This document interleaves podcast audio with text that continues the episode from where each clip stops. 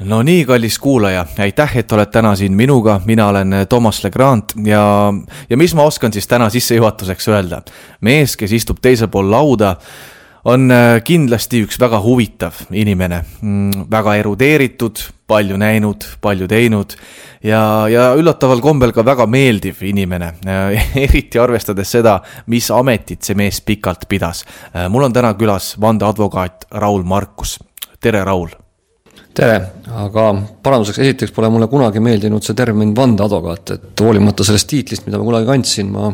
alati tituliseerisin kui advokaati, see tundus mulle niisugune natukene naljakas, vandeadvokaat, mida ma siin ikka vannun.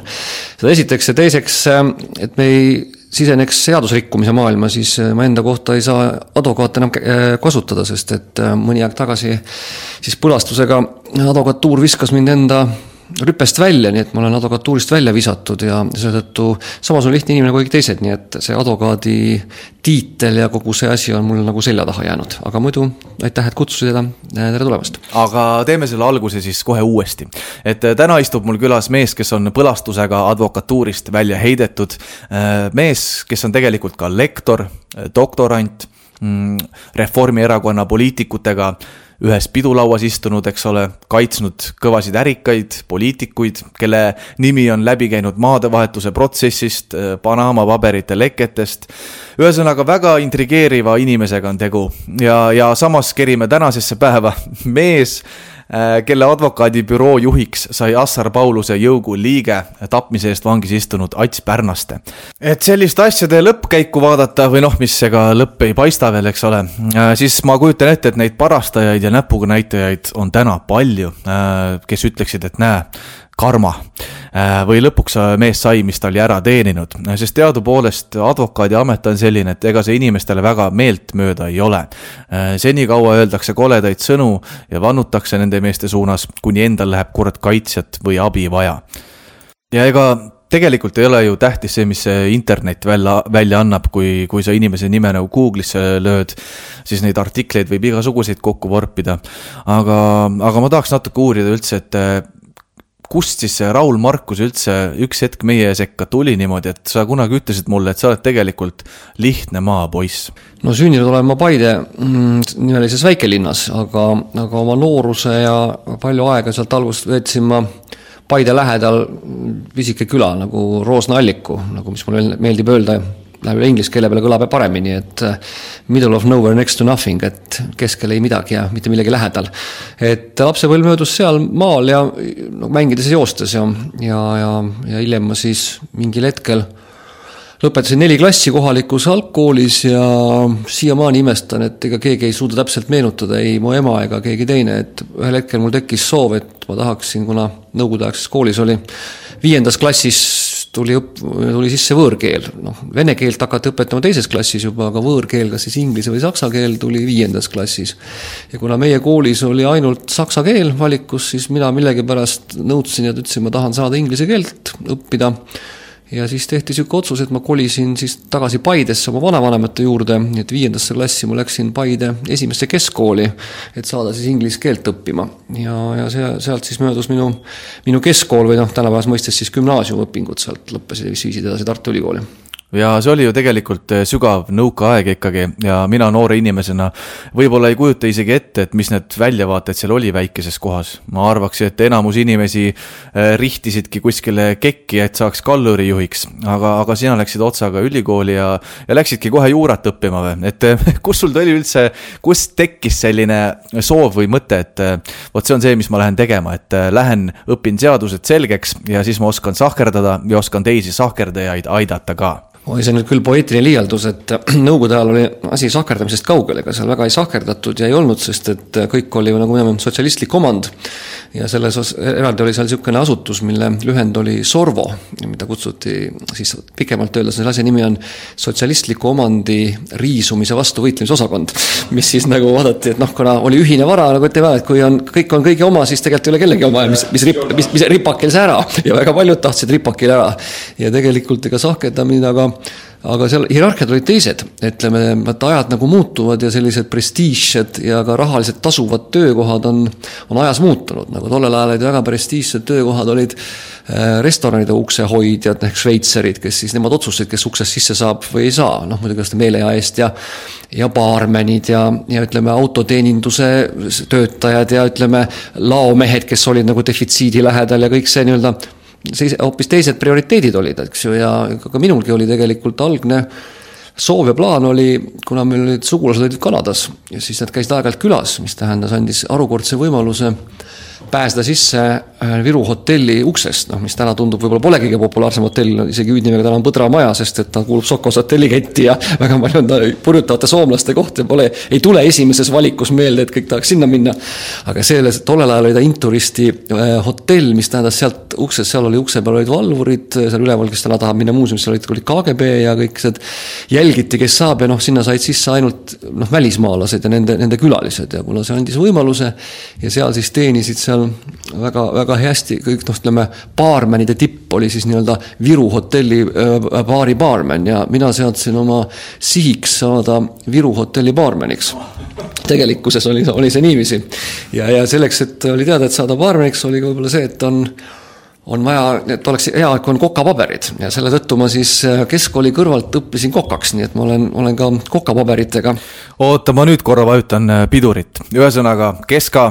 mees otsustas, et ta teeb endale kokapaberid ja hakkab kokaks. aga üks hetk, kus sai ju ikkagi ju tegelikult tippadvokaat. Ja kui ma ütlen tipp, siis see, see on, ma arvan, täiesti õigustatud nii su kohta öelda, sellepärast et advokaati sa saad vaadata klientide järgi, määratleda tema kvaliteeti nii-öelda. Ja, ja sinu kliendid olid tipp-poliitikud, tippärimehed tippkriminaalid. just nimelt, isegi tippkriminaalid. aga, aga nüüd me oleme praegu siin keskkooli ajas, sa tegid endale kokapaberid ja, ja mõtlesidki, kas sa tõesti siis siiralt mõtlesid, et sust saab kokk või et eh, kuidas see asi siis edasi arenes, et eh, kokka sust ju ei saanud? elu tegi korrektiive, esiteks hakkas vanaema rääkima, et, et võib-olla ikka ei ole see ja peaks ikka õppima, et pead sul ju on ja oled ju tark poiss ja, ja olin ka.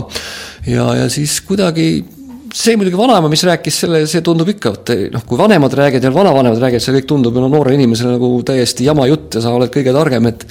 selles mõttes mulle elus meeldib, et äh, ma ütlesin ka oma pojale, et, äh, et, et kuskil seal kui kaheksateist, et, et naudi, et sul on elu parimad ajad käes, et sa, et mis mõttes, et hetkel oled sa maailma kõige targem. siit edasi läheb aina hullemaks, et sa aina vähem sa tead, aga kuskil seal niisugune vahemikus seitseteist kuni kakskümmend, sa oled maailma kõige targem, sa kõike tead, kõik ümbergi on lollid, sa oskad nagu arvata. aga kuidagi mul see pähe mõte istuma ja siis oli mul üks koolivend, kes teatas, et kui jõudis kätte see keskkooli lõpp, viimane klass üheteistkümnes, et et kuhu siis minna, on ju, et mul ei olnud mingit selgitust, et, et kus sa lähed õppima, ma ütlesin, mina ei ole kuskile plaaninud, ma ei oskagi öelda. mina lähen juurat õppima. ja siis ma nagu mõtlesin, et tegelikult nagu oligi, et ülikooli võiks ju minna, aga kuna mulle füüsika, keemia, matemaatika ei meeldinud, sa hakkasid neid siis, tollel ajal sisseastumiseksameid, sa tegid ära keskkooli lõpueksamid ja siis pidid tegema uued eksamid ülikooli sisseastumiseks. Ja ja kuna matemaatika, füüsika, keemia nagu sellega langesid väga paljud asjad ära, järele jäid nagu eesti keel ja kirjandus, ajalugu ja põhimõtteliselt juura, noh, keelt ja kirjandust ei tahtnud, ajalugu, ajalooõpetaja oli ema, see mind ka väga ei, ei hoidnud, noh, ütleme mingil hetkel oli, ma tahaks, oli, tahtsin küll saada ka arheoloogiks, ka see oli plaan, et, et oligi ja aga see läks ruttu maha, sest et kui jõudis kätte see reaalsuse taju, et et kuna mul on sugulased äh, välismaal ja minu vana-vanaisa oli tagasi surma mõistetud Nõukogude Liidus, siis selge on see, et keegi mind mis tundus romantiline kuhugi sinna Egiptusesse neid Vaaro muumiaid avastama ja neid Vaarost lahti kaevama ei lase ja, ja kuskil siin Eesti, Eesti kohalikus kivikalmes kõpitsemine tundus väga, väga põnev, siis ja siis, kui see sõber rääkis, et tema läheb nii-öelda juurasse proovima, et tule kaasa, noh, seltsis segase, läksimegi ja nagu ikka elus juhtub, tema sisse ei saanud ja mina sain. ütleme, see oli pigem niisugune juhus, ütleme noh, lihtsalt mu elu ongi põhimõtteliselt olnud üks suur juhuste jada ja see ongi toonud mind siia, kus ma olen, et ma olen kuidagi läinud alati, mul ei ole, kui räägitakse tänapäeval karjääri planeerimistest, eesmärkidest, asjadest Pole mitte kunagi midagi sellist olnud, ma olen nagu läinud nagu vooluga kaasa ja avastanud, et kuhu see vool mind viib. Ja siis sellel eluetapil siis see vool viis mind Tartusse ülikooli juurateaduskonda. ma kujutan ette, et nüüd oleks päris hea pööre see, et äh, aasta oli mis, üheksakümmend kolm, üheksakümmend neli, eks ole, Eesti oli vaba kauboikapitalism, kõik tahtsid ratsarikkaks saada. Ja, ja sa vaatasid äkki, et äh, polegi seda juurapaberit vaja, et saad niisama ka elus hakkama. või, või päris nii see asi ikkagi ei olnud et tol ajal neid võimalusi oli ju palju ja igaüks äh, nihverdas, susterdas ja prooviski kuidagigi midagigi teha, eks ole, et oma taskuid täita, äh, staatust äh, kasvatada. aga, aga kas sa läksid siis kuskile büroosse tööle või, või sa tegid kohe enda büroo või? Tollel ajal ei olnud niisugust mõtet, et saaks, noh, raha tahtsime teenida ja sai tegeletud siin Viru ümber äritsemise kõige muuga, aga see oli, see oli kriminaalkorras karistatav tegevus. ütleme, nõukogude ajal üldiselt, mida me täna teame paljus juhtud ärina, oli, oli kriminaalkorras karistatav. noh, näiteks välisvaluuta omamine oli kriminaalkorras karistatav, ütleme siis nii, et see, mida meie teame ärina, et ostad odavalt, müüd kallilt, oli karistatav kriminaalkorras kui spekulatsioon, oli vahendustegevus ehk maaklerlus oli kriminaalkorras karistatav. Nii et tollel hetkel üldiselt riik tagasi väga palju nagu, ütleme, kui minu valik oli, siis ei olnud see raha teenimine sel hetkel ei olnud, see pärast kukkus nagu, nagu sülle. sest et sel hetkel, kui mina astusin ülikooli, oli nõukogude aeg ja kui ma lõpetasin, oli Eesti aeg. Ja siis olid kõik teed valla okei okay,, aga see oli siis selline aeg, kus äh, oli ikkagi nii-öelda ütleme jutumärkides sahkerdamist või, või sa ikkagi otsisid endale mingi päris töökoha ka? mu esimene töökoht oli tegelikult Eesti Raadios, tollel ajal nimelt olid pooleks, olid, oli, oli eraldi Eesti Televisioon ja oli eraldi Eesti Raadio, olid kaks organisatsiooni. täna on need kõik üks ring, Eesti Ring, Rahvusringhääling.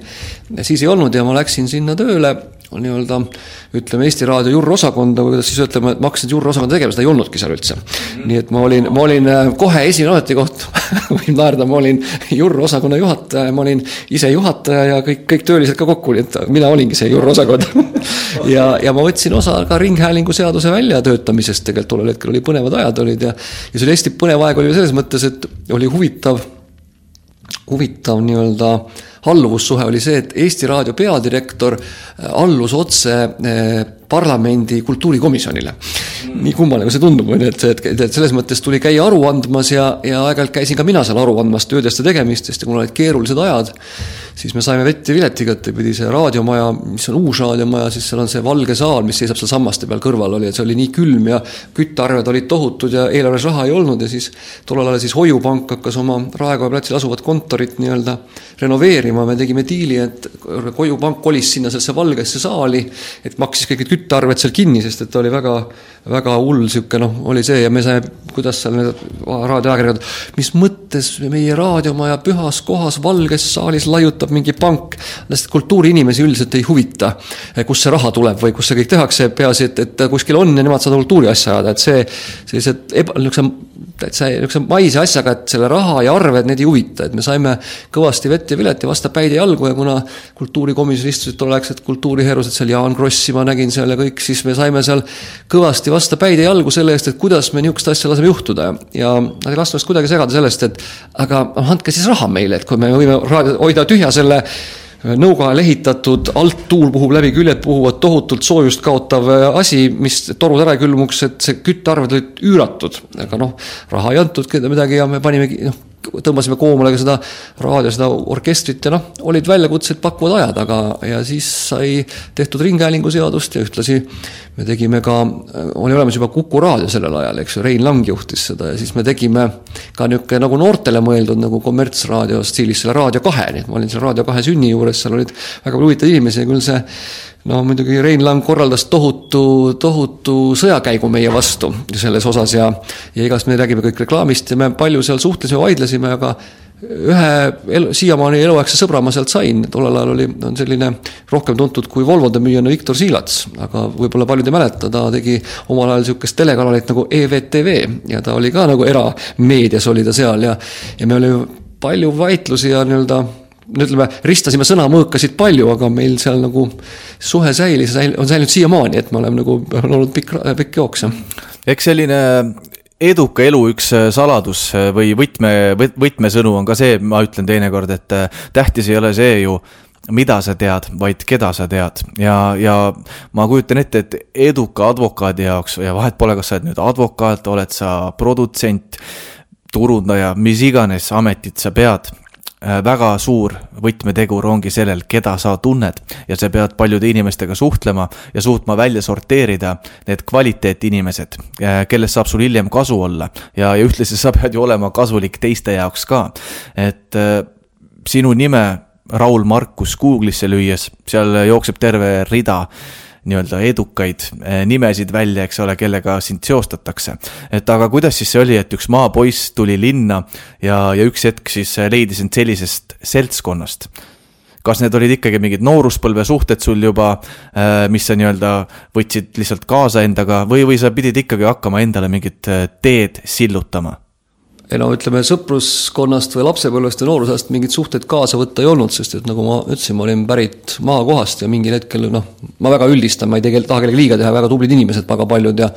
aga mõned on ennast mu kooliõed juba seal maalinnas surnuks joonud tänaseks, et aga noh, põhimõtteliselt võis öelda, et minu klassikaaslased, lapsepõlve mängukaaslased elamuses töötud karjatalitajad ja traktoristid, noh kui üldistada, noh kes, kes ja kuidas, eks see oli see maaelu elu raske, et ma nagu lendasin sealt väga kaugele eemale, ega mul linnas ju mingeid kontakte ju polnud tegelikkuses, et see tuli kõik ise tekitada tühja koha pealt natukene, noh, siin olid erinevad mu tol aeg saime mingeid erinevaid alustuseks meile oli niisugune asi nagu Eesti Kultuurifond, et selle ruumides me saime nagu allrendile minna nii-öelda Eesti Kultuurifondi tiiva alt, me vanalinnast alustasime, saime bürooruumid sealt, kus sai nagu tööle hakata, aga okei okay,, aga ruumi võib ju igaüks endale rentida, äh, ajalehte võid ka kuulutuse panna, et õigusabi pakud või mis iganes teenust, aga, aga ega see sulle klienti ukse sisse ei too.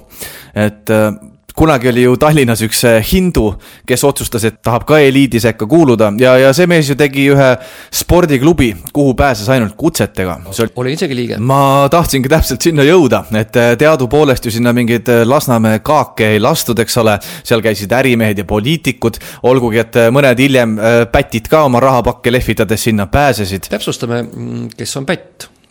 ütleme kriminaalkorras karistatud isik. sellisel juhul võin öelda, et isiklikult olen koos selles staatusklaabis treeninud Meelis Laoga. voh äh,, siirad vabandused, mina ütlen ikkagi härra Lao, mitte pätt. härra Lao, mina, mina ei kasutanud sõna pätt, ma pärast küsisingi, et ma olen aga tema, kui sa ütlesid kriminaalkorras karistatud isik, mida ta on, siis, siis järelikult temaga koos oleme seal treeninud. et äh, kas siis täpselt nii, nagu see hindu otsustas, et see on see viis, kuidas ta sulandub eliidi keskele, tema teeb äh, spordisaali, sinust sai selle liige olid selle liige, eks ole. ja, ja kas oligi nagu teadlik valik tegelikult, et äh, see on see, kus ma kavatsen ennast näidata, kus ma kavatsen olla. Äh, et sa ümbritsesid oli. ennast inimestega, kes olid nii-öelda võimu juures, kellel oli juba raha ja, sest need on ju tegelikult alati potentsiaalsed kliendid, sest kui paljud neist nüüd on tegelikult ausalt rikkaks saanud, eks ole. aga see on selline pööbli määgimine ja, ja tegelikult mina teiste inimeste rahakotti ei piilu ja mul ükskõik, kuidas keegi oma raha teinud on. aga, aga see oli ikkagi selline kinnine klubi, kuhu reaalselt sai kutsetega ja, ja ma saan täiesti aru, miks valitud seltskond otsustaski seal käia, sest see on hea, lihtne, rahulik ja hea koht, kus tegelikult suhteid ikkagi luua. no nagu oli kunagi ka mis ta oli, enne Bonnie ja Clyde'i oli see ööklubi seal olümpiahotellis, ma, kas X,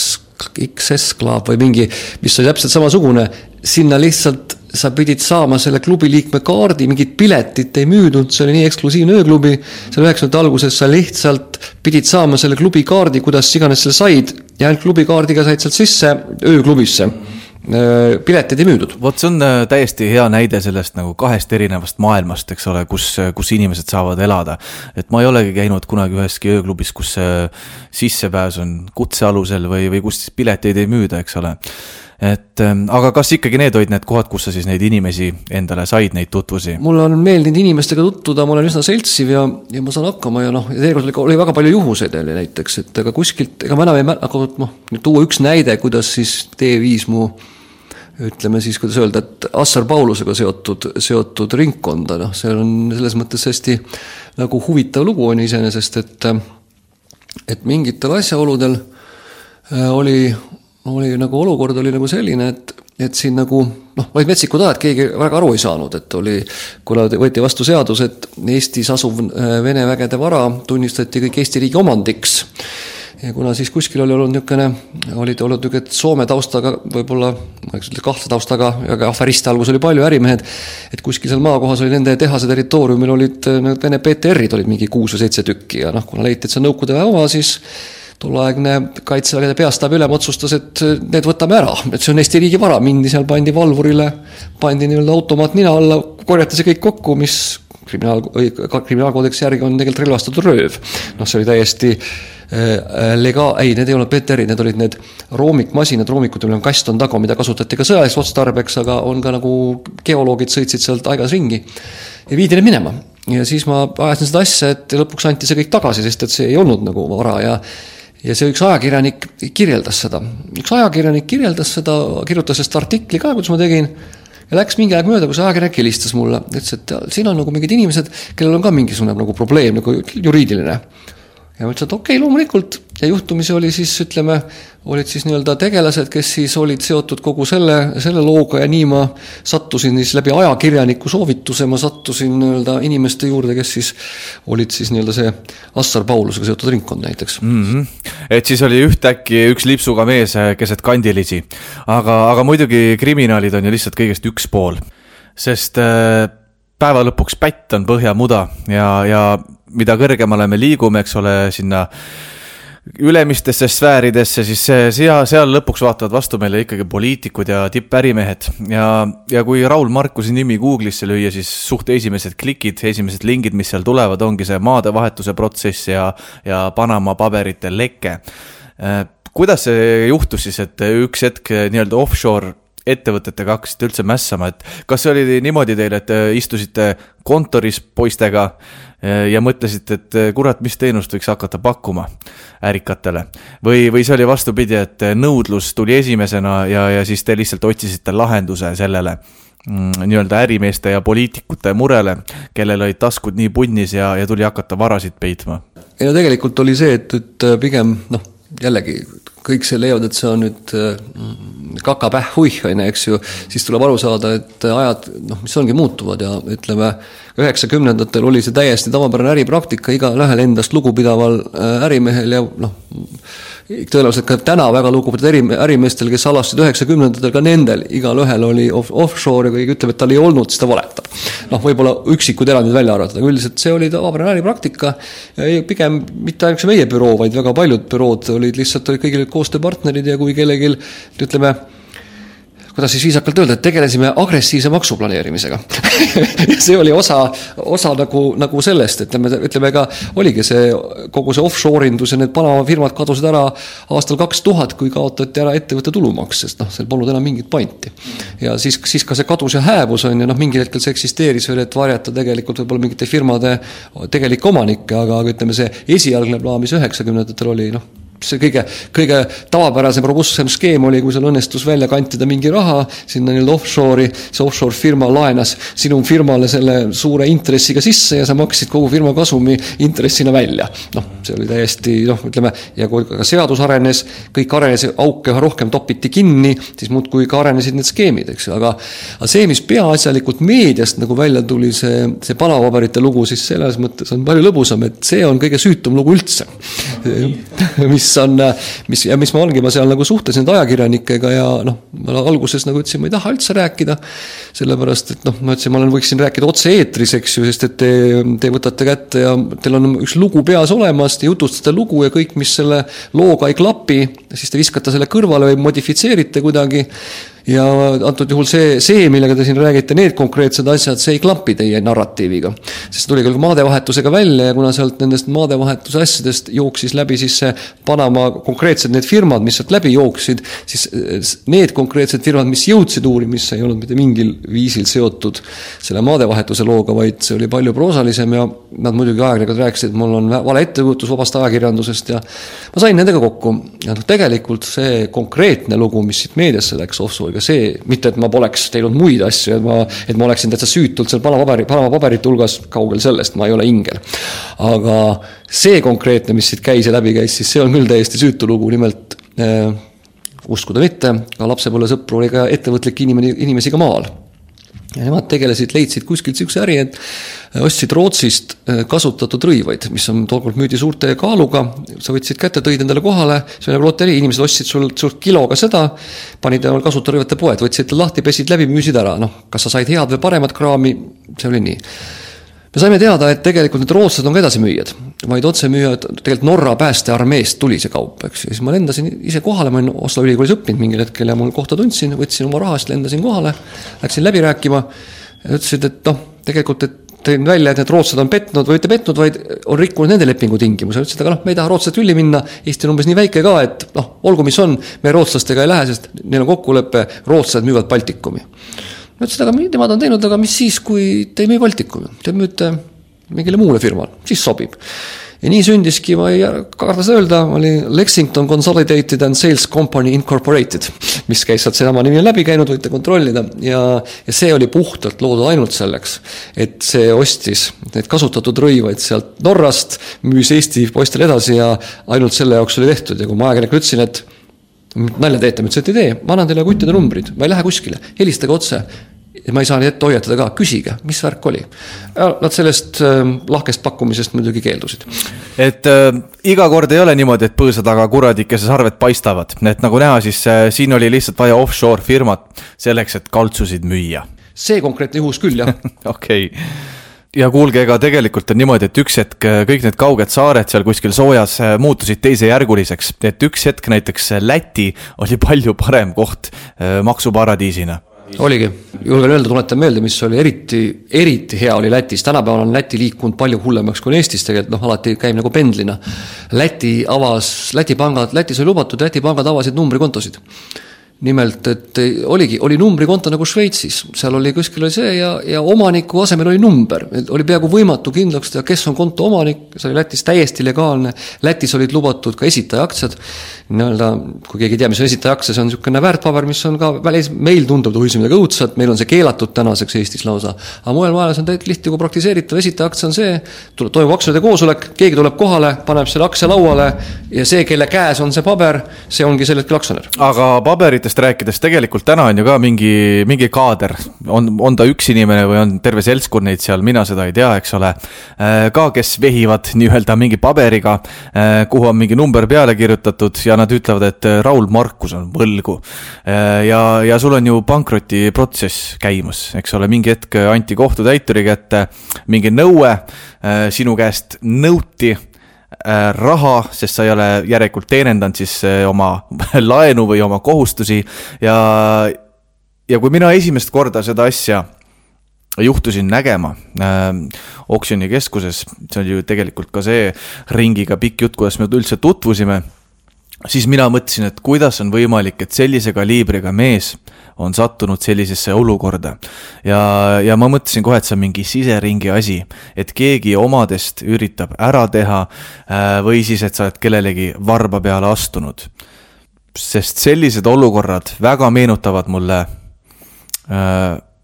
sõbraga sõjajalale minemist. ja, ja kes on veel suurem vaenlane, kes on hullem vaenlane inimesele kui tema sõber, sest äh, sõber tavaliselt teab neid valukohti, sõber teab, mis nuppe vajutada, eks ole. ja, ja sõber on teinekord ka väga ohtlik vaenlane. et äh, räägime korra sellest tantsust, kuhu sind tõmmatud on tantsid sa seal nüüd äh, vabatahtlikult või mitte, eks ole, igastahes muusika mängib ja, ja tegelikult tundub, et see muusika keeratakse varsti kinni, sest kui pankrot välja kuulutatakse, siis võetakse see vara, mis sul on ja müüakse maha, nii palju, kui sul seda ka siin on ei see, täpselt sinna punkti me oleme jõudnudki, et äh, ega ma kuni viimase hetkeni ma proovisin, noh, ütleme tegelikult äh, ma pean olema selles otsuses, mis ma nüüd nagu tegin äh,, see otsus, see pankrotimenetlus läbi teha, peame tänama kohtunikku Fred Fiskerit, kes tegelikult ma ei olnud, kuidagi nii on sattunud, et ma ei olnud mitte kunagi temaga kuskil üheski protsessis istunud, midagi olnud muidu kohtunikuga ja ja ta ütleski seal, et ta panigi kohtusse, oli see eelistung ja ta ütleski, et aga võib-olla peaks kaaluma, et olete veel ju, et veel on ju kõik võimid, asjad on olemas ja et võib-olla peakski tegema mingisuguse nagu restardi ja hakkama otsast peale, eks ju, seda ütles kohtunik ja ja ma pärast mingi paar päeva mõtlesin selle üle, sest ma, siis oligi, et minu vastu nii-öelda üles puhutud mitmed erinevad, erinevad suurusega nõuded, mis mis on nagu, kõik on, on enamuses on vaieldavad, eks ju, ja, ja siis ma nägin nagu eesperspektiivi, teades väga hästi, palju need vaidlused aega võtavad, et sa vaidled ja vaidled, mis võtab nii-öelda enda ressurssi ja närviressurssi. ja ega see tulemus ei ole ette teada, eks ju, ja, ja teine on see, et, et võtta, siis on väga selge algus ja lõpp, et algab see pankrot, see kestab kolm aastat ja ja on see läbi ja ma teen ühe, ühe ainsa protsessi ja kõik üle ülejäänud asjad kukuvad iseenesest ära. Ja võttes arvesse, et ma olen kohe viiekümne viie aastane, käia vaielda neli-viis aastat veel ja siis võib-olla veelgi tulebki ikka, ikka see pankroti osa kõigest sellest, siis ma mõtlesin, et tõesti, ratsionaalsem on on nii-öelda võtta see menetlus välja ja vaadata, kuidas siis tuleb, et ähm, nagu öeldakse, et on Peter Thiel on nagu ühest raamatust ma lugesin, öelnud seda, et if you wanna win, uh, your ego is the main enemy, et ka samamoodi, esimene kord oli see ego, et ma ju ei tee seda. ja siis, kui mõtlen, et mis see põhieesmärk on, et äh, mu eesmärk on nagu ülejäänud elu elada nii hästi, halvasti ja, ja nii mõnusalt kui vähegi võimalik ja ega, ja ma ei näe mingit suurt mõnu veeta seda kuskil kohtusaalides ja mingeid äh, juriidilisi dokumente vorpides. siis leidsin, et, äh, et kui ma katsun ja, ja kui ma peaksin kuidagi masenduma sellest ja, ja kuidagi muserduma laskma ennast, siis tegelikult on ju teine pool ju võitnud, sest tegelikult ratsionaalsusega minu hinnangul siin mingit pistmist ei ole. siin on mingi egode mäng, kus siis arvata, arvatakse, et nad suudavad minu elu kuidagi häirida, ruineerida ja panna mind kannatama, siis järelikult kui nad seda suuda-, kui see kõik nii mulle mõjub, siis on ju nemad oma eesmärgi saavutanud ja ma teen kõik, et nad seda ei saavutaks, et ma ei lase enda, katsun ikka mõnusalt elada mul on endal olnud elus äh, korduvalt selliseid hetki, äh, kus ma tunnen, et mul on sõber noa selga löönud. ja,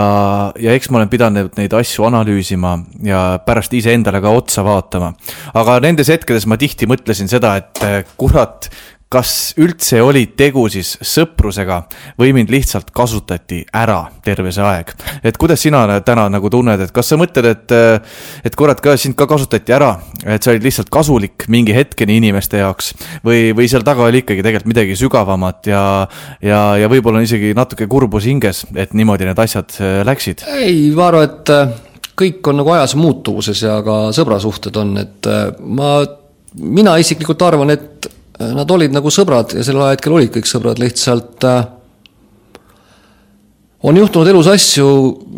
võib-olla mitte minu nägemus, alati teistel on keegi teine nägemus, minu nägemus on see, et äh, kindlasti olen mina midagi valesti teinud ja aga paljud seal juhtunud, mis minu puhtesse puutub, on see, et et teised osapooled keeldusid tunnistamast oma valesti tegemisi või enda möödalaskmisi ja, ja, ja kui siis ikkagi mul olid paraku mingisugused ka äh, nii-öelda märkmed või dokumendid, mis näitasid, tegelikult on paljud asjad nii, siis nagu mina ütlesin, siis need solvumine oli seda suurem selles mõttes, et siis tuli tunnistada endale, et tegelikult äh, nagu, nagu üks inimene ütles, lõpuks ma ütlesin, et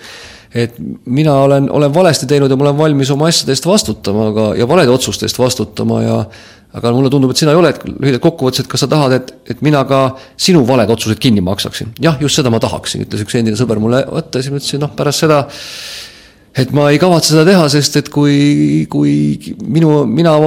vastutan oma valede otsuste eest ja, ja selle eest ja kui keegi ütleb, et, et mina peaksin ka tema valed otsused kinni maksma, siis ma arvasin, et seda ma ei tee. aga mis, mis see reaalsus sul nüüd saab olema, oletame, pankrot kuulutatakse välja. Äh, võib-olla mingites ringkondades on või suudetud ikkagi su mainet lörtsida, võib-olla võib äh, inimene peeglisse vaadata ja ütelda, et äh, ta on seda ka ise teinud, eks ole. oled valesid otsuseid vastu võtnud aga, aga mis nüüd edasi sinust saab? advokatuurist heideti sind välja, advokaat sa enam olla ei saa. Äh, väga paljud suhted ikkagi on ära lõigatud, eks ole, äh, on lörri läinud. mis sa edasi hakkad tegema? täna sa oled viiskümmend pluss ja, ja ometi mul on selline tunne, et äh, sa oled nagu kahekümnendate alguses, kogu maailm peaks nagu valla olema ja, ja see ju tekitab ka meeletut hirmu, et mis sa hakkad nüüd tegema. mina tean seda enda kogemusest, kui sa oled viisteist aastat ühtemoodi elanud, äh, ühtemoodi talitanud ja, ja otsustad teistmoodi hakata nüüd tegema, siis esialgu on nagu meeletu, meeletu hirm ja pinge hakkama saamise ees eelkõige et see ongi võib-olla kõige hirmutavam siinjuures, et sa pead viiekümne viie aastaselt alustama kuskilt otsast võib-olla mingilt täiesti uue asjaga, sest et et kas ma oma eni-, varasemate tegevuste juurde pärast seda kõike tagasi pöörduda saan, ma ei tea. ja noh, ma olen siis nüüd püüdnud nagu mõelda, aga alati mul on kombeks, et mis siis on kõige hullem, mis saab juhtuda.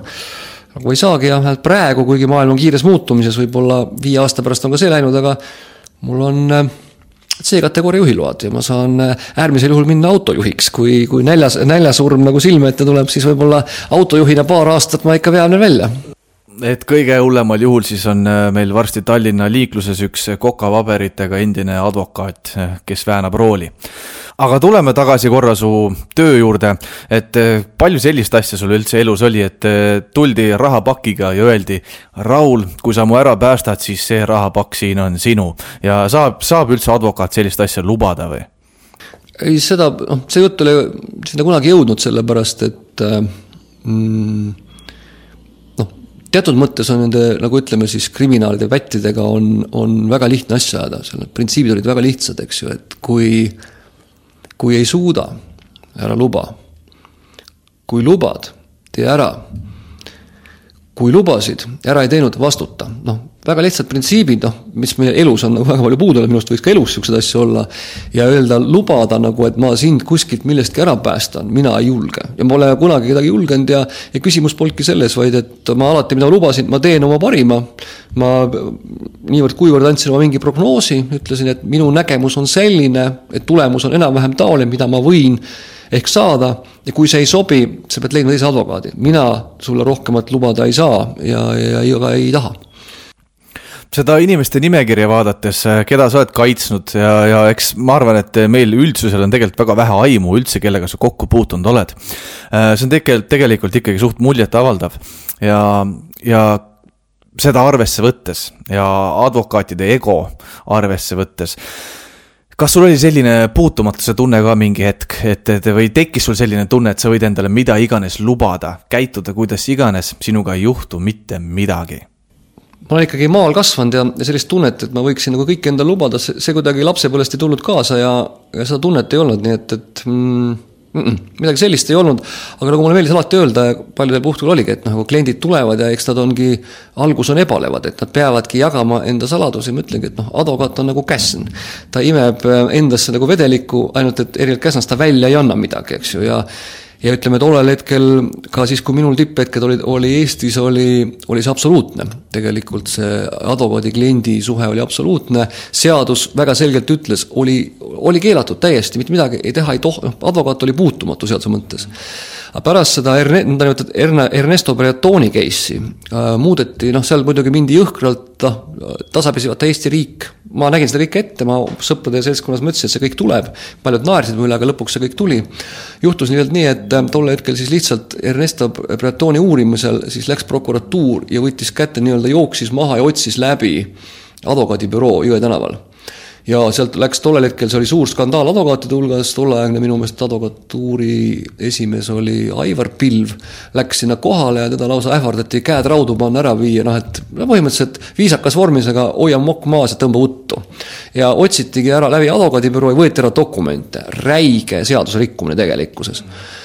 ja noh, kõik öeldi muidu kõik on õige ja me nagu noh, vabandati, aga noh, pärast muudeti kibekähku seadust, noh kui kõik oli õige, miks siis seadust muuta? Ja, ja pärast seda muudeti seadust, kus siis ka advokaadibürood võib nii-öelda läbi otsida küll kohtu loal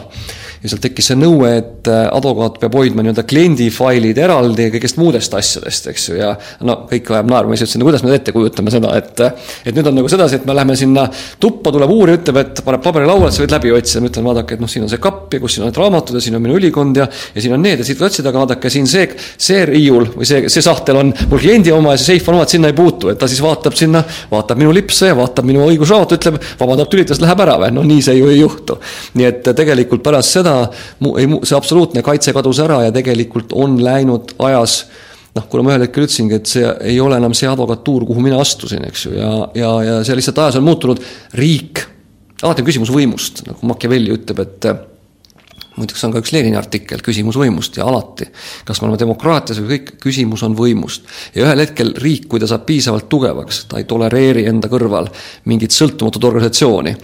Ja noh, tänaseks on jõudnud sinna, et advokatuur on noh, väga palju integreeritud ühtsesse õigussüsteemi, näiteks kui kunagi oli nüüd advokatuuri aukohtus olid ainult advokaadid, siis eksamikomis- äh,, vabandust, eksamikomisjonis olid ainult advokaadid, siis tänaseks on seal kohtu- ja justiitsministeeriumi esindajad ja, ja nii edasi, edasi, et põhimõtteliselt see noh, tasapisi on jupphaaval, kasutades salaamitaktikat, on ka advokatuuri sõltumatust on, on veidi kärbitud. Kas see on hea või halb, ei ole minu otsustada, aga lihtsalt see advokatuur, kuhu mina astusin, oli palju sõltumatum, palju vähem allutatud üldisele kui see, mis on täna kas advokatuuri liikmetel on ikkagi omavahel selline ringkaitse ka moodustatud sarnaselt politseile? küsimus ei ole mitte ringkaitses ja ma arvan, et advokatuuris on ringkaitset vähem, sest advokaadid on kõik suured egod ja pigem on advokaadid rohkem mulle tundub üksteise, valmis üksteise kõri kall-, kallale minema ka heade klientide nimel, eks ju, et, et see, ma arvan, et seda nagu ei ole, aga probleem on laiem. ehk ongi, inimesed peavad tulema nagu noh, rääkima, nagu ma alati mõnele kliendile ütlesin, ma saan aru, et ta valetab mulle. ta ajab mingit jama suust välja, ma alati ütlesin seda, et pole mõtet. sa ei saa, see ei lõpe hästi, et kui sa lõid varba vastu kivi ja veri jookseb varbast ja sa lähed arsti juurde ja seletad, kuidas sul pea valutab. ja kui arst sind uskuma jääb, siis ta ravib sinu peavalu, mida sul ei ole ja varvas veritseb ikka ja läheb põletikuliseks, et siin on sama asi, et pole mõtet nagu mulle ajada, ma hakkan ravima valest kohast. aga see ongi see advokaadi kliendi see privileeg on nagu selline, et ta peaks olema absoluutne, et see klient, et advokaat saaks oma tööd teha kvaliteetselt, peab ta teadma kõiki detaile. ja, ja aga kui see nagu lõhutakse ära, noh kogu aeg, see oli, noh, see oli ka avalikult, ütleme, advokaat, advokatuuri ringkonnas oli see ammu teada, et tegelikult politseinikud kuulavad pealt ka advokaatide ja klientide nagu telefonikõnesid, et see, mis on tegelikult, oli ka siis selgelt seadusega keelatud. ja ühel hetkel juhtus niisugune tööõnnetus, prokuratuur pani kokku toimiku, kuhu ta kogemata õmmeldi sisse, kus said välja võtted advokaat, advokaati telefonikõnedest asjadest, noh, siin tõmmati suur ving ülesse, aga lõpuks kehitati õlgu ja kuna midagi nagu ei tulnud ja kuna ta ka ühiskond ei reageerinud kuskilt pidi ka ja mitte ja lõpuks unustati ära ja pärast seda muutus tavapraktikaks, et nii võibki teha, sest mitte midagi ju ei juhtu ja prokuratuurist öeldi, et aga kuidas me siis saame üldse kuritege-, kuritegevust nagu uurida ja, ja nii ta läks ja nii ta jäi, nii et et tegelikult minu noh, ütleme, minu kogemus muidugi sellest lõppes ära sellisel juhul viima-, kuskil seitse-kaheksa aastat tagasi, et ma ei vastuta, võib-olla see on nüüd paranenud, ega ma väga täpselt kursis ei ole, aga see läks ikkagi tol hetkel, kui ma seal sees olin, läks sellest vaatevinklist aina hullemaks. ja minu kui kliendi jaoks see on ju tegelikult see ainus asi, mis mu peas vasardab. kas ma saan oma kaitsjaga päriselt ka aus olla, saan ma rääkida asjadest nii, nagu need tegelikult olid. ja, ja kui ma hakkan vassima ja valetama ja varjama, siis tegelikult ei saa ka advokaat oma kaitsetööd ju hästi teha. Absoluutselt, see, see ongi see, see on see fundamentaalne küsimus, mille üle nagu mingil hetkel see arutelu oli, ta vaibus, vahepeal jälle on ja osad advokaadid üritavad seda ühiskonnas, seda diskussiooni üleval hoida, aga tundub, et ühiskonda ei huvita. Ja kui ühiskonda ei huvita, ja miks ta peakski huvitama, et enamus inimesi ei saa kunagi sellise probleemi ees ei seisa, see on nii väike vähemus ja alati näidatakse näpuga, aga need on ju pätid ja päti koht on vanglas. Noh, minu, aga selles mõttes, et see töö, töö on ka emotsionaalselt raske, noh, mis kõige, üks kõige raskemaid emotsionaalset protsessi oli see, kus noh, teatud juhtul tuleb teha määratud kaitseid, eks ju, ja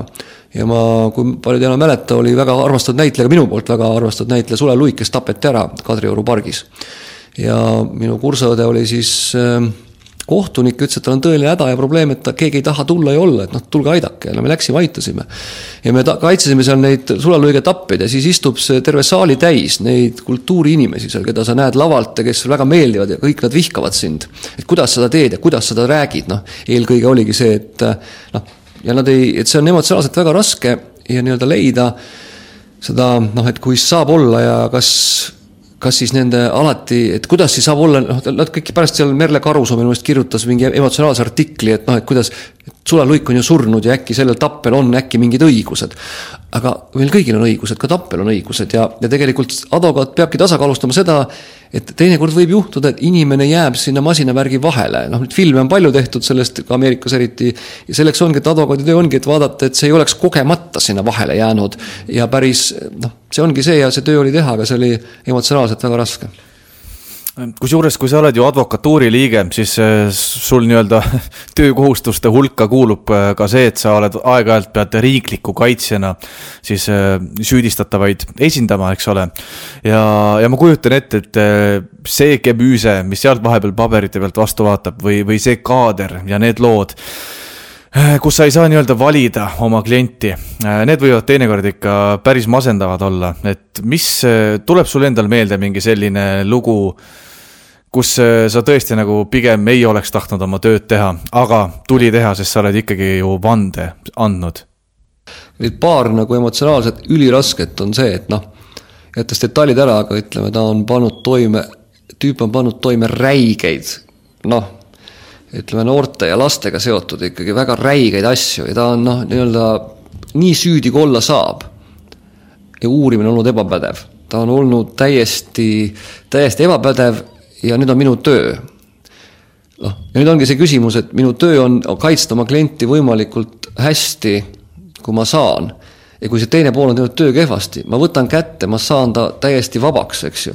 ja ma tean,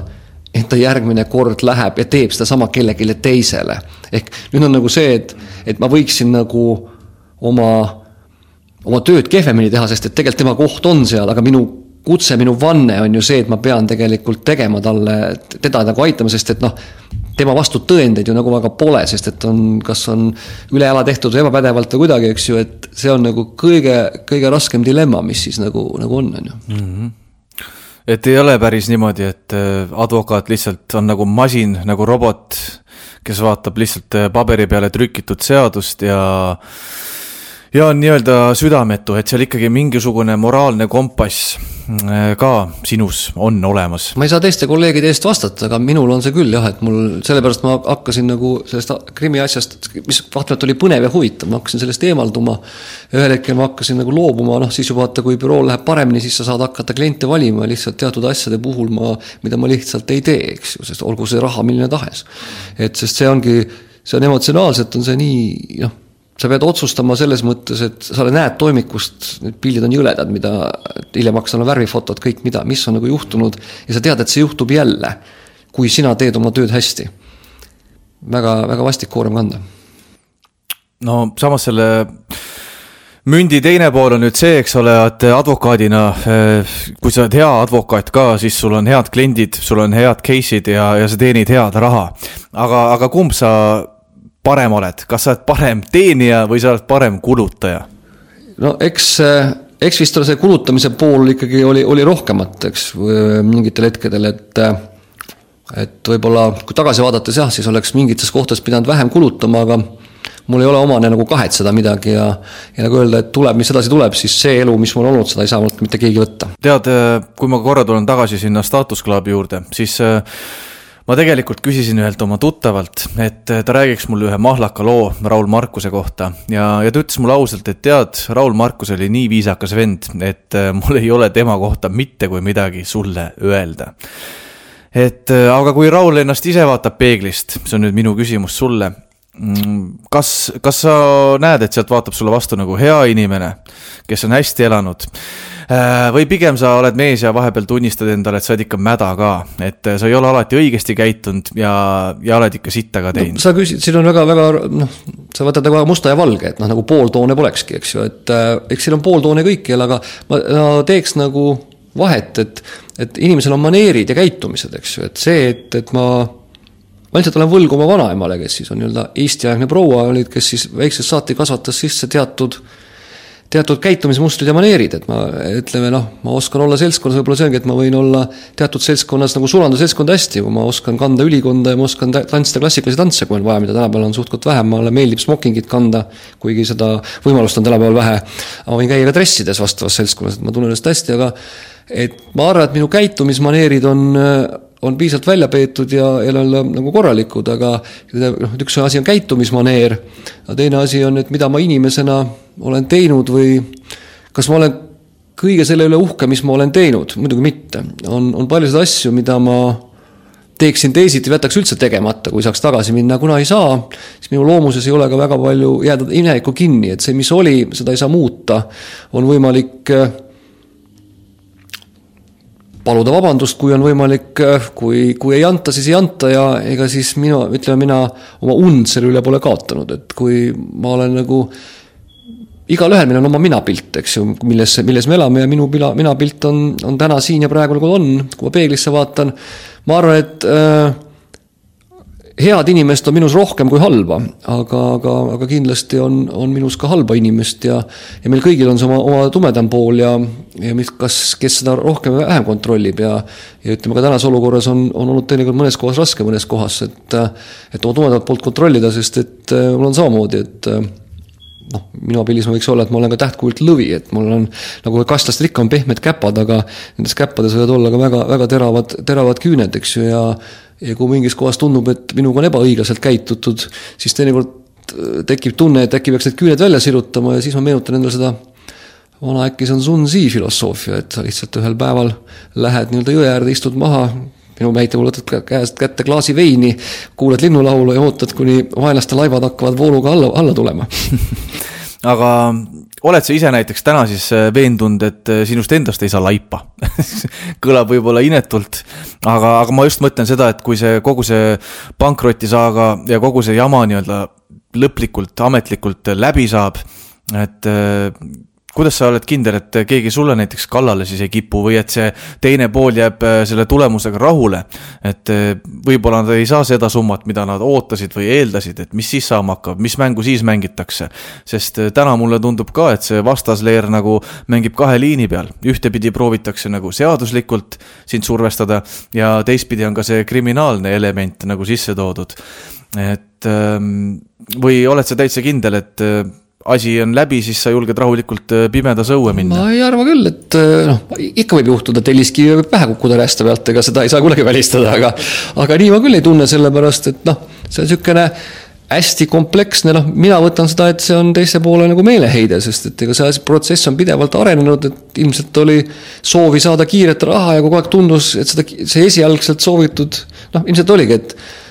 kiiret raha ei tulnud, no nüüd oli see, et ego juba oli öelnud, ma, ma ju saan su käest selle, nüüd selgus, et ei saa, visati järgmine kivi, selgus, et jälle ei saa, no nii on see kogu aeg eskaleerunud, eks ju, aga ma olen nagu kõigist võtnud sirge seljaga öelnud ja, ja ma ka selle Ats, Ats Pärastega suhtlesin, sest ka teda olen ma kunagi kaitsnud, et, et noh, ma ütlesin, me rääkisime hästi viisakalt ja adekvaatselt ja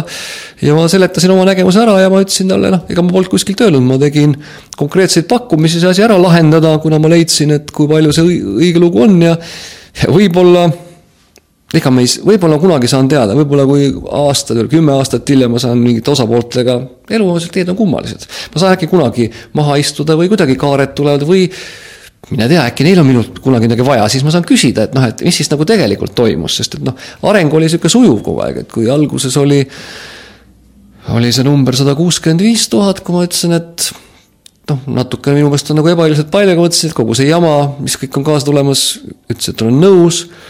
siis see nagu ei sobinud, siis see kasvas saja kaheksakümne tuhande peale, siis oli kakssada, noh siis me leppisime kahesaja kümne peale kokku, notar oli kõik pandud ja siis lõpuks selgus, et ikka ma olen valesti aru saanud, kakssada nelikümmend on, noh. ja siis ma ütlesin, et, et noh, et kuskil, kuskil jookseb mingisugune piir, et ma nagu ei, enam, et nüüd aitab. ja nüüd, kui siis kõik need asjad tulid ja siis ma tegin, kuna vaata, elu on nagu praktika on näidanud seda, et, et noh kui nad saavad selle, mida nad arvavad, et saavad läbi pankroti, siis oli neil õigus, aga kui nad juhtumisi ei saa, ega siis sellega lõpeb teistmoodi, et kunagi elu läheb edasi ja sul tekib mingi diil ja see võib jääda ära sellepärast, et keegi kuskil ütleb, et ta on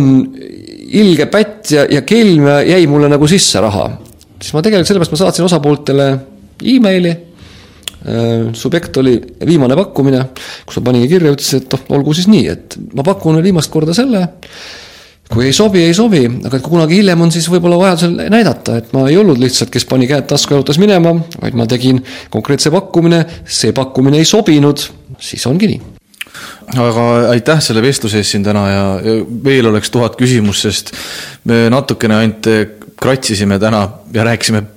peaasjalikult su tööst, eks ole, su vanast tööst ja, ja muidugi sellest, et äh, viiskümmend viis varsti terendab ja, ja sa saad end jälle tunda nagu kahekümneaastane poisike, pea laiali otsas, mõtelda, mis ma nüüd tegema hakkan. ei noh, teine asi on see, et ega mul on ka kokapaberid ja mulle meeldib ka süüa teha ja ja mu hea tuttav on Roman Sasteršinski mingitel nüüd viimasel ajal juba noh, see on juba muutub selleks, et ma olen käinud seal näiteks kolme või Mooni, Mooni köögis olen olnud nii-öelda puhtalt tasuta tööjõuks, et vaadata, kuidas see on. see on ränk, raske füüsiline töö ja ma ei ole kuigi ma olen saanud, ma olen võib-olla kahekümne viie, kahekümne viimase aasta parimas füüsilises vormis, et noh, et stressi maandada ja ma tõmbasin hiljuti viis korda lõuga, ma ei mäleta, millal enne seda oli eelmine kord, kui ma vahelt ühe korra lõuga tõmbasin. aga see on füüsiliselt, on nii ränk, raske töö seal köögis, kuigi noh, mul on kokapaberid ja ma arvan, et natuke püüdes võiks ka kokana leiba teenida, aga lihtsalt ma ei ole kindel, et ma enam füüsiliselt sellele vastu pean, sest et see, see füüsiline koormus on, inimesed ei kujuta ette, et ma teinekord käin restoranis ja mul tekib see kujutluspilt, kui ma lähen mis toimub seal köögis, kui ma vaatan seda rahvast siin, siis mul on ettekujutus, mis toimub seal köögis ja kuidas seal käib, eks ju, ja ja selle tõttu mul mind võib-olla kõige rohkem mind häirivad nagu, kui üldse nagu kuskil restoranis miski mind häirib, siis mind häirivad niisugused ülbikud, kes seal nagu võtavad kätte, noh, et ma olen kunn ja teen seda, teist ja kolmandat, eks ju. Nad ei kujutagi ette, kui, kui raske see on ja millist tööd need inimesed teevad, et see toit sulle sinna ette jõuaks, on ju, kui sa lihtsalt, loomulikult, kui noh, ka mina olen teinekord ja mina leian seda, et see on viisakas, kui mul miski pole päris sees, ma viisakas vormis annan tagasisidet, mis minu arvates on nii või teisiti, just seepärast, et nemad saaks parem, aga kui mõned siin väga ülbitsevad ettekandjate ja kõige muuga, eks ju, siis vot see on, mis nagu inimesed võiks enne järgi mõelda. See on ränk, füüsiliselt ränk raske töö, mida teevad need ettekandjad, mida tehakse seal köögis, mida teeb kasvõi sama, kes see nõusid peseb seal, on, on, nad kõik seal teevad seda väga rasket füüsilist tööd, et see, sina saaksid siis lõõgastuda ja oma perega väga mõnusat toitu nautina, et see on, see on väga, see on suur privileeg, et sul õnnestub, et need inimesed teevad seda sulle, eks ju, sest kui ühel hetkel neid enam ei ole, ja, ja see toit, see on see, mis mind võib-olla teinekord harva tuleb ette, aga, aga mõnikord tuleb, tahtmine lausa noh, tõsta püsti ja, ja lausa öelda inimesele midagi ja siis leiad, et jällegi, et miks ma niisugust konflikti see tekitan, et pole mul seda vaja, aga, aga see on, mis teinekord paneb nagu, kõnetab mind nagu halvas mõttes seal aga igatahes on äh, väga huvitavad ajad olnud, äh, iga kord, kui ma olen sind näinud, oleme rääkinud, alati mõtlen pikalt kõigest, mis me rääkisime. ja, ja veel kord, kuule, aitäh sulle ja, ja suure tõenäosusega salvestame me ühe saate kindlasti veel. ei ole tänu väärt, et tore, et kutsusid ja mul on tegelikult hea meel, et, et me kunagi üldse tutvusime tegelikult ja näed, võib-olla kui nüüd leida seda positiivsust sellest eluetapist, kus ma praegu olen, siis ju tegelikult sellele, selle praeguse pankrotiprotsessi eelnev, eelnev lugu tõi meid ju tegelikult kokku üldse. mina olen Toomas Legrand, külas oli Raul Markus ja peatse kohtumiseni jälle